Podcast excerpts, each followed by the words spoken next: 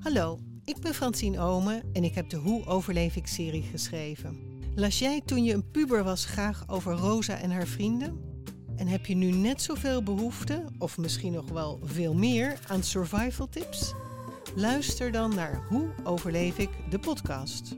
Elke week praat ik met een twintiger over problemen als burn-out, depressie, studieschuld, seks en prestatiedruk. Ik hoop dat je luistert. thank you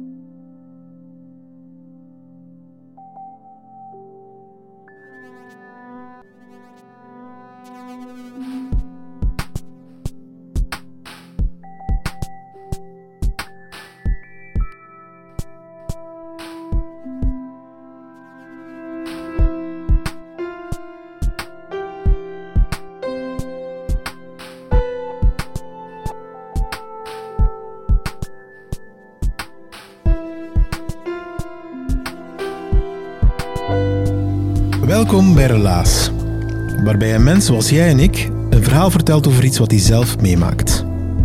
En dat zijn niet altijd gemakkelijke verhalen, maar soms wel heel moedige, zoals het relaas van Evelien. Voor het eerst gebruiken we de naam Evelien, maar dat zou evengoed een pseudoniem kunnen zijn. Of niet. Of wel. Want wat je nu gaat horen is geen gemakkelijk verhaal. Toch deelde Evelien het op onze vertelavond in maart 2016 in Huset in Gent. De eerste keer dat ik met uh, iemand naar bed ging, ik dacht echt dat mijn haatje te klein was. Nu, ik zie jullie een beetje raar kijken van over wat gaat dit verhaal nu gaan, maar laat het mij, uh, laat het mij even uitleggen. Um, het is ongeveer tien jaar geleden Um, ik lig in bed met mijn toenmalige vriend. Dat was uh, mijn eerste grote liefde. En uh, je moet je voorstellen, wij lagen in een klein kamertje, in een persoonsbedje. Uh, Nachtlampje was aan. En um, ja, we gingen voor de eerste keer met elkaar naar bed gaan. Nu, ik, ik, vond dat heel spannend. ik had daar een heel romantisch beeld over. ook wat dat je ziet in films en zo. Ik keek daar enorm naar uit dat dat ging gebeuren. En um, effectief die nacht was het zover. Nu, wat er volgde die nacht, um, was eigenlijk heel veel gesukkel. En, maar dat was vooral een, een heel pijnlijke ervaring, fysiek dan. Uh, ik vond dat helemaal niet fijn. Dat was helemaal niet romantisch. Um, en een week later of zo, ik kwam met mijn vriendinnen samen. En uh, ja, die waren natuurlijk heel nieuwsgierig van... En, en, hoe is het geweest? Hoe is het geweest? En ik keek naar hen en ik had zoiets van... ja, het was helemaal niet fijn. Dat ik weet niet veel pijn. Uh, ik vond dat helemaal niet leuk. Um, maar ja, ik had nog zoiets van, oké, okay, het is de eerste keer, je hoort dat wel vaker, hè, uh, dat dat niet altijd zo goed loopt of, of dat dat wat pijn doet. Dus ik maakte me nog niet echt zorgen. Um, ik dacht, de tweede poging, dat zal wel veel beter gaan. Nu de, de tweede poging komt, de derde, de vierde, de vijfde. Die pijn, dat ging niet weg. Dat bleef nog altijd even, even hard. En de pijn dat ik toen voelde, um, ik kan het omschrijven als een, een, een branderig gevoel, een, een stekende pijn, um, vooral het gevoel van, ah, dit hoeft niet. Um, ja, een, een, zeer oncomfortabel gevoel. Um, nu, na al die pogingen, en dat, dat, ging nog altijd niet beter, dacht ik van, ja, misschien moet ik toch wel eens een gynaecoloog opzoeken om te kijken of dat er niks uh, aan de hand was. En dat was mijn eerste bezoek aan, uh, aan de gynaecoloog. Um, nu, dat was zo'n een oudere man, uh, zo'n beetje clichébeeld van een gynaecoloog.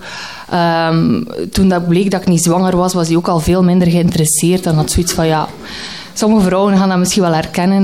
Um, maar goed, hij doet zijn routineonderzoek. Hè, en uh, ja, alles bleek daar oké te zijn. Mijn haatje, dat was helemaal niet te klein. Dat was misschien een opluchting. Maar aan de andere kant, ja, ik vertel hem wel van ja, het doet wel heel veel pijn. Er moet toch iets aan de hand zijn waarom dat, dat zoveel pijn doet. Hè? Dat kan toch niet normaal zijn? En hij bekijkt mij zo en, en oh, hij relativeert dat ook heel vlug. En, en hij zei van, goh meisje, weet je, je hebt nog niet vaak betrekkingen gehad. Um, dat is uw vagina, dat is nog niet helemaal uitgezet. Um, dat moet nog een beetje uitzetten. En ik had zoiets van, ja, oké, um, maar wat gaan we daaraan doen? Hè? Um, en hij schrijft mij een, een, een, verdovende gel voor. En hij zei, weet je, gebruik dat een paar keer. Hè. Um, en je gaat wel zien dat een eindje, dat gaat wel, dat gaat wel veel vlotter gaan. Ik vond dat een vreemde oplossing, maar goed, ja. Het is een gynaecoloog, dus ja, ik ga daarom naar, naar de apotheek. En, en ja, ik gebruik dat met mijn vriend. Ja, pijn had ik inderdaad niet meer, nee. Maar ik voelde ook gewoon helemaal niets niet meer. Ja, terwijl ik als mijn vriend, we waren gewoon verdoofd. Dus ja, dat voelde ook helemaal super raar aan. Ja, dat was, dat was zoiets kunstmatig, iets technisch. Um, ja, wij zijn daar dan ook mee gestopt, omdat dat voelde gewoon echt niet goed. Iets wat ze ja, goed moet voelen met veel ja, intensiteit, dat, ja, dat was er dus gewoon niet. Dus wij zijn daarmee gestopt. En de maanden daarna, ja, pogingen blijven duren, maar die pijn, ja, die bleef daar wel. En op het duur, je weet ook niet wat het is, hè, want blijkbaar is alles in orde volgens de gynaecoloog, er is niets mis. Um, maar die pijn blijft, het wordt ook moeilijk. Op duur had ik ook geen zin meer om het nog te proberen, want ja, het, doet pijn, dus het is niet fijn. En de gesprekken erover, ja, je weet niet wat het is, je weet ook niet hoe je het moet oplossen. Op het duur werden die gesprekken ook heel beladen, hè, ook in je relatie. Um, wordt iets, op het duur wordt dat ook een beetje een, een, een gesprek dat je wil vermijden, omdat je, ja, je wil er niet meer over praten, omdat je toch niet weet wat het is. En je zelfbeeld, ik moet wel zeggen, op, dat vlak gaat er enorm achteruit. Ook het zelfbeeld van mijn vriend op dat moment, um, die wist op het duur ook echt niet meer wat hij moest doen om, om nog goed te doen. En ik begon dat ook een beetje te verbergen naar de buitenwereld toe, ook naar vriendinnen die dan vroegen van, en gaat dat nu al wat beter? Had ik zoiets van, ja, ja, dat gaat wel beter, omdat ja, seks is iets wat dat, waar dat er over gepraat wordt als het goed gaat, maar als het niet goed gaat, ja, wordt dat precies wel een moeilijk onderwerp. En op het duur had ik ook geen zin meer om daarover te praten. Misschien ook een beetje schaamte van mezelf toe, omdat dat niet lukte. En bij een ander lukte dat wel. En dat werd eigenlijk echt wel een, een, een zwaar onderwerp voor mij. En ja, de maanden volgen, de jaren volgen. Maar ja, in uw relatie, seks is wel iets heel belangrijk. Dus dacht ik na een eindje van, kom, moet bijeengeraapt. Ik moet opnieuw naar de gynaecoloog. Ik moet weten wat dat is. En dat is bezoek aan, aan gynaecoloog nummer twee. Um, deze keer was het een vrouw. Um, nu, die was nog altijd niet zo geïnteresseerd. Um, dat moest ook allemaal heel vlug gaan. Maar goed, in die vluchtigheid um, stelde ze vast dat mijn bekkenbodemspieren uh, veel te gespannen waren. Blijkbaar was dat probleem waarom dat, dat zoveel pijn deed. En denk dat de vrouwen die al bevallen zijn hier in de zaal wel heel goed weten wat dat de bekkenbodemspieren zijn. Hè. Blijkbaar, uh, dat is iets heel belangrijk uh, voor vrouwen, maar blijkbaar heeft dat ook een, een grote invloed op, op seksueel vlak. En hoe beter dat je die onder controle hebt, ja, hoe, hoe, beter dat het ook op dat vlak gaat, blijkbaar.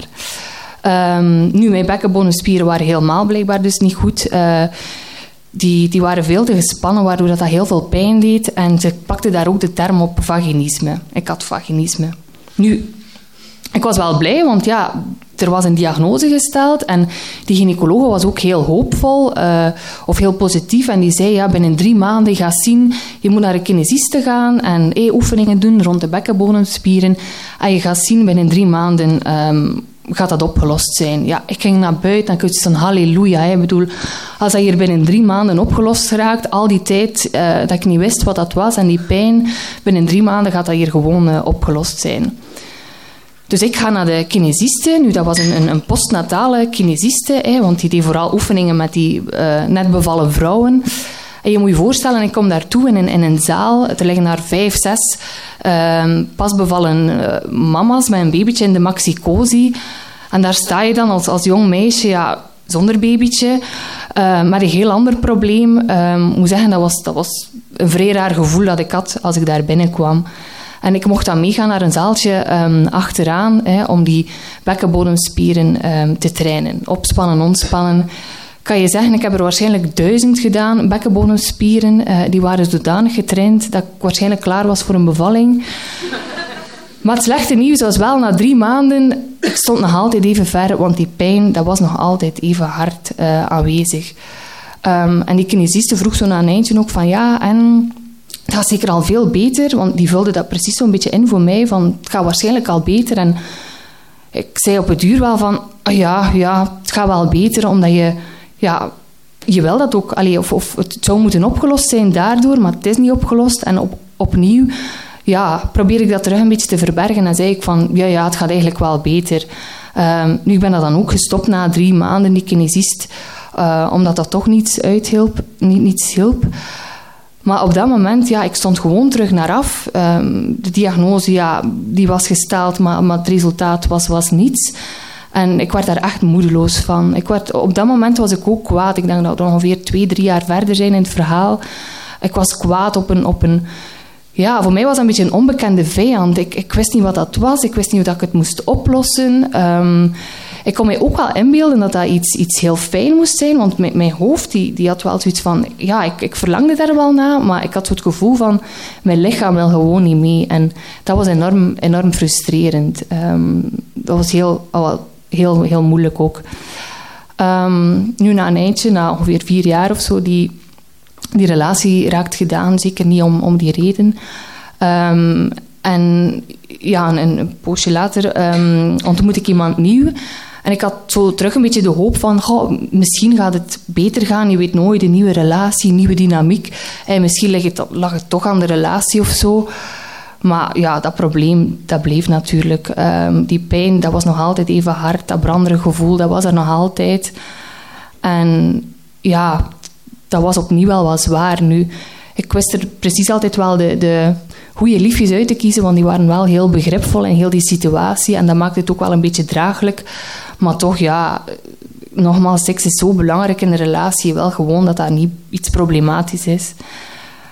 Um, en ongeveer ja, twee jaar of zo, die, die relatie raakt ook gedaan. En dat was echt het moment voor mij dat ik dacht van, ach, er, moet iets, iets, er moet iets mee gebeuren. Ik moet echt weten wat dat is. Ik sukkel daar nu ongeveer al ja, ondertussen zes jaar mee. Dat gaat niet vlot, dat, dat gaat moeilijk. Um, en ik had ook heel veel schrik om, om terug in een, een, nieuwe relatie te stappen. Omdat, ja, ik wou niet opnieuw in een, een relatie stappen met, met, al, met op voorhand al een probleem. Zeker niet op dat vlak um, had ik echt zoiets van nee, ik, ik, wil dat dat opgelost geraakt en een nieuwe relatie die moet, vanzelf gaan. En ik had echt geen zin om, om dat weer te moeten uitleggen van ik heb een probleem op dat vlak, maar ik weet wel niet wat het is en, en ik weet ook niet hoe ik het moet oplossen. Ik wou dat echt niet meer. En dat was het moment dat ik ook dacht van ja, als het niet fysiek is, fysiek is, dan moet het misschien iets psychisch zijn. Ik begon echt te denken van, misschien zit dat in mijn hoofd. Ik begon de raarste dingen te denken. Ik dacht van, goh, misschien heb ik een, onverwerkt trauma of zo van vroeger. Dat ik niet verwerkt dat dat meespeelt of zo. Waarom dat dat niet goed lukt. En uh, ik weet, ik heb er nog gebeld met mijn moeder. Die wist daar helemaal niets van. En ik zei van, mama, heb ik iets meegemaakt als kind of zo dat ik me niet meer kan herinneren? Ja, die hele shock, ja, nee, natuurlijk niet. Allee, ik begin dat verhaal uit te leggen. Die was natuurlijk ook heel bezorgd. Um, en dan was ik op, op aanraden van een vriendin um, naar een uh, seksologe geweest. Uh, om te kijken van, ja, misschien is het toch wel iets, iets, uh, iets in mijn hoofd dat mij blokkeert of zo. En um, ik weet nog goed, dat was een vrijdag namiddag. Ik moest in Tuzet zijn bij die seksologe. Dat was ook de eerste keer dat ik naar een therapeute ging. Dus ik vond dat wel heel spannend, wat dat, dat ging geven. en ik zit in de wachtzaal en ik zie haar afkomen. En dat was zo echt een, een grijze muis, zo'n... En ik dacht van, oei, moet ik hier even... Um, ik had daar zo'n sprankelende persoonlijkheid bij verwacht. Uh, seksuoloog, ja, dat is toch zo. Hè? Um, maar goed, ja, die komt af. En ik moest ook letterlijk zo in een, een grijs kuipzeteltje gaan zitten om daar even mijn verhaal van de voorbije zes, zeven jaar te doen. Moest ik daar even heel mijn uh, beleving op seksueel vlak uit de doeken doen tegen haar. Nu, achteraf, dat was eigenlijk een hele lieve vrouw. En die stelde heel veel vragen over, ja, ook over vroeger, hoe dat de band was met mijn ouders op dat vlak en of dat er thuis veel over seks werd gebabbeld. Ja, uiteraard niet. Um, en die stelde zo wat diepere vragen om, om toch een beetje een beeld te krijgen van, van mijn leven op dat vlak. Nu, na ongeveer een uurtje zei ze van, ah, weet je, voordat we verder gaan met de, met de gesprekken, um, zou ik toch willen weten of dat zeker toch niets medisch of iets fysisch is. En um, toen sprak zij voor de eerste keer het woord vulvair vestibulitis uit. En ik had zoiets van, wat is dat? Um, nu, dat zou een aandoening zijn, een medische aandoening, dat blijkbaar veel vrouwen last van hebben. Um, nu, in uw vagina lopen er zenuwen. Um, en dat is, bij die aandoening is het zo dat de, dat de zenuwen overprikkeld zijn of overgevoelig zijn. En bij aanraking ja, wekt dat heel veel pijn op. Je kan het een beetje vergelijken, misschien ook voor de mannen. Uh, als je, je hebt waarschijnlijk wel al ooit een standpijn gehad, zenuwpijn. Wel, beetje vergelijkbaar daarmee, maar dan op een andere plek. Um, nu, voor te weten of dat zeker wel dat zou zijn, uh, moest ik opnieuw naar een gynaecoloog gaan uh, om te laten testen of dat dat, dat was. Nu, ik was thuisgekomen na dat gesprek met die seksuologe en ja, het eerste wat je doet, googlen natuurlijk. Hè, van wat is dat, die vestibulitis? Ik wou daar meer over weten. Ik wou weten, wat is dat? Um, en ik kwam op forums terecht van, van vrouwen... Um, die ook al jaren moeilijkheden hadden gehad op dat vlak en, en pijn hadden ervaren. En ik moet zeggen, die verhalen die waren eigenlijk heel herkenbaar. Um, ik dacht van ja, ik herken dat eigenlijk wel en dat is precies ook wat ik heb. Maar aan de andere kant las ik ook verhalen van vrouwen. Ja, als, als ik dan keek naar, naar, naar wat, wat kan er dan gedaan worden aan dat probleem, dat waren dat de verschrikkelijkste verhalen. Dat waren vrouwen die er nooit van afgeraakt waren. En ook door behandeling en zelf operaties. En dat probleem bleef hem maar, uh, bleef hem maar stellen. Uh, dat waren precies echt horrorverhalen. En ik dacht, oh my god, laat ons hopen dat dat toch dat niet is. Want als dat dat is, er is gewoon geen oplossing voor. Um, en een beetje later um, ga ik dan effectief naar de, naar de gynaecoloog voor die test te laten doen. Nu, dat was de eerste keer dat ik bij een, dat was een super lieve man uh, terechtkom die tijd had, die, die tijd had om naar mijn verhaal te luisteren. En die stelde ook zo wat, wat, wat vragen. En die vroeg mij onder andere van, ja, bij, als je tampons gebruikt, heb je dan soms ook pijn? En ik had zoiets van, ja, eigenlijk wel. Soms zit dat niet altijd zo goed. Of als je op je fiets zit, van, heb je dan ook een, een, een, een, een, een dat branderig gevoel door, door de naden van je broek die irriteren? En ik had zoiets van, ja, eigenlijk wel, ja, eigenlijk wel. Maar ik had dat nog nooit met elkaar in, in, in verband gebracht. Nu, hij voert die test thuis uit en ja, wat blijkt, ik heb dus die vestibulitis. We waren er um, na ongeveer acht jaar dan, um, was er eindelijk een diagnose gesteld. Um, nu, ik, was, ik was op zich heel blij dat, dat, dat ik wist wat dat was en dat het niet in mijn hoofd zat en dat er effectief iets, iets medisch aan de hand was in al die jaren. Um, en dat er ook een gynaecoloog voor bestond die alleen maar daarin gespecialiseerd was. Dat was voor mij echt van, oh my god, er moeten toch nog heel veel vrouwen zijn die daar last van hebben. Waarom is dat niet gekend? Waarom moet ik daar acht jaar op wachten om, om voor de eerste keer te weten wat dat, dat is? Nu, aan de andere kant, um, een beetje het jammer eraan was inderdaad de behandeling. Die vrouwen op die forums hadden niet helemaal gelogen over die behandeling. De behandeling daarvoor is heel moeilijk. En de gynaecoloog zei tegen mij van, ja, reken toch zeker maar twee jaar op behandeling. En ik had echt zoiets van, maar wat? Twee jaar? Ik sukkel daar nu al acht jaar mee. Ik wil daar niet nog een keer twee jaar mee, mee, sukkelen. Ik wil daar nu een oplossing voor. Ja, dat hield mij ook wel een beetje tegen om een nieuwe relatie aan te gaan. En ik had echt zoiets van, twee jaar is echt wel heel lang. Maar goed, ja, uh, het was nu eenmaal zo. En, en ja, uh, ja, we moesten, we moesten verder. Hè. Um, nu, de, de behandeling daarvoor, en dat was ook wel nog wat confronterend. Um, ik moest daar medicatie voor nemen. En die medicatie die was een, een vorm van antidepressiva.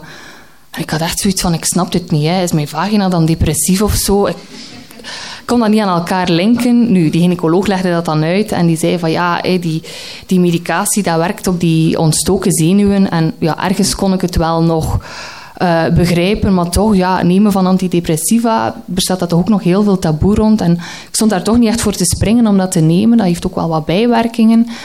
Maar goed, ja, dat was blijkbaar de enige manier om, om er vanaf te geraken. En ik wou er ook echt vanaf geraken. Ik had er echt genoeg mee.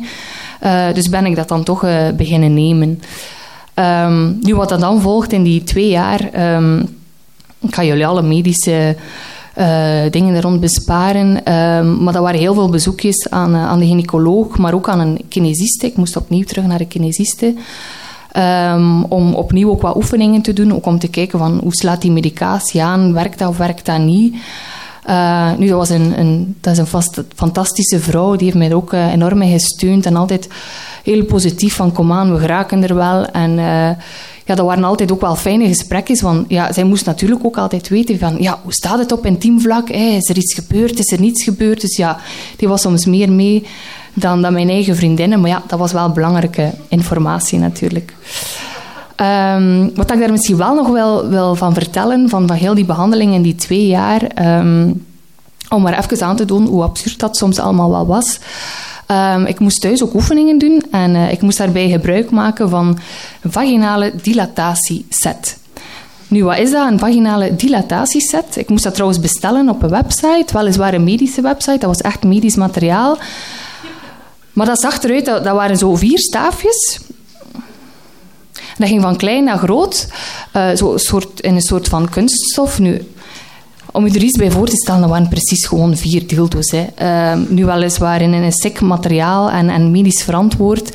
Uh, maar ik moest dat dus gebruiken om te kijken van ja, lukt dat daar, lukt dat niet? Dat was een soort van, van feedback dat ik voor mezelf... Uh, ja, daarin moest, uh, moest geven. Uh, nu, ik moest dat dus bestellen op die website. En uh, dat zat zo verpakt in een doos. Ehm, dat zat zo verpakt in, in van dat bruin inpakpapier. En op een dag, ja, mijn buurvrouw belt aan en zegt ja, er is hier een pakketje toegekomen. Maar ja, er staat precies wel niet echt op van wie dat komt. Hey, er staat gewoon uw naam op en die blijft zo staan. Ja, die dacht natuurlijk, ja, zo'n bruin anoniem pakketje, zo die grote, die dacht, ja, dat is een dildo hè, dat hij besteld heeft. Ja, ik schaam, schaam de deur terug toe. Um, ja, en dat de, de komende maanden beginnen gebruiken. Nu, soms had ik echt van, waar ben ik hier mee bezig? Maar dan dacht ik, goed, kom, er zullen waarschijnlijk wel nog vrouwen zijn op dit moment die ook die oefeningen hier met die staafjes aan het doen zijn. Um, dat was ook gewoon echt wel belangrijk. Um, nu, na twee jaar, hè, behandeling, medicatie, die oefeningen, um, ja, werd het wel eens tijd voor mij ook om te weten van, ja, heeft dat hier nu allemaal iets, iets opgeleverd of niet? Hè? En dan natuurlijk maar de proef op de som genomen. Hè. En effectief, na, dan zijn we tien jaar verder, um, effectief na tien jaar kon ik voor de eerste keer zeggen van amai, ik heb pijnloze stiks kunnen hebben. En kan je zeggen, dat was een hele openbaring. Dat was voor mij ook heel emotioneel om, om dat te beleven, om dat te, om dat te kunnen ervaren. ze zeggen soms, uh, seks wordt beter met de jaren, maar in mijn geval was dat effectief zo. Dank je wel.